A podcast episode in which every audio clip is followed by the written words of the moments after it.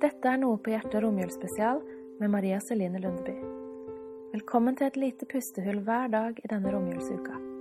Jeg håper du finner hvilepulsen, får senke skuldrene og løfte blikket på Han vi feirer i jula. Det lille barnet i krybben, vår store Gud.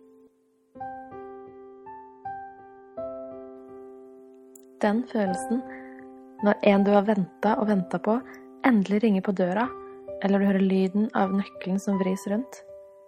Så deilig det er når noen du har lengta etter, kommer og er til stede sammen med deg. Når noen kommer på besøk og det er forberedt, da får vi rydda og gjort klart først. Da er det varmt i stua, det lukter godt av middagen som er klar. Men på motsatt side, så utrolig mange følelser som settes i sving når noen kommer uanmeldt på besøk. Når huset flyter, gårsdagens sminke henger halvveis på, søpla burde vært tømt og du ikke engang har en kopp kaffe å by på.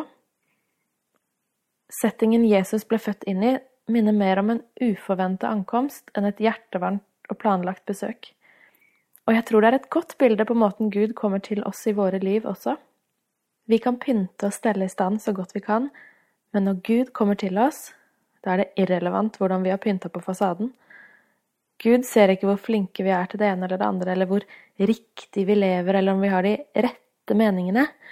Gud, han ser tvers igjennom oss, rett til hjertet vårt, og før jeg forsto fullt ut hvem Jesus er, så var det noe av det mest skremmende jeg kunne tenke meg.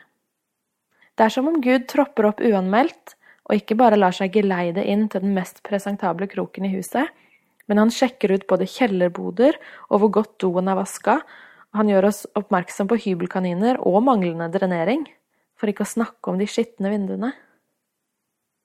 Når Gud kommer på inspeksjon i livet mitt, da har ikke jeg noen ting å stille opp med, og det er det første vi alle må innse på vei mot en sann og sunn relasjon med Han. Han kjenner oss fullt ut, og det var derfor han kom til oss, i den kalde, skitne, drittluktende, uverdige stallen. Gud, han har både skapt oss og selv blitt menneske. Han vet nøyaktig hvordan du og jeg har det, og han tilbyr oss løsningen vi syndere trenger. Vi må ikke la oss friste til å bare gi han lillefingeren bare den pene kroken i stua, for han både ber om og krever mer. Vi må la Gud få totalrenovere oss. Det hjelper ikke med nye gardiner hvis huset holder på å falle sammen.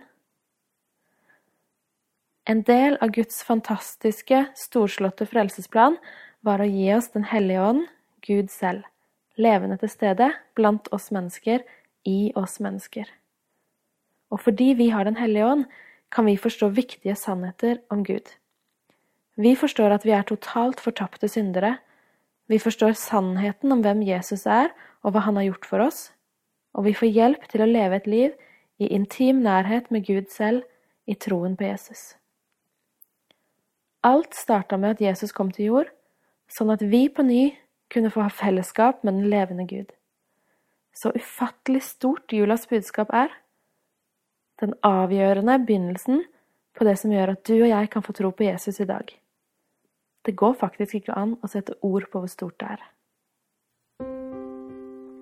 I Romerne 5, vers 5-8 står det Og håpet skuffer ikke, for Guds kjærlighet er utøst i våre hjerter ved Den hellige ånd som Han har gitt oss.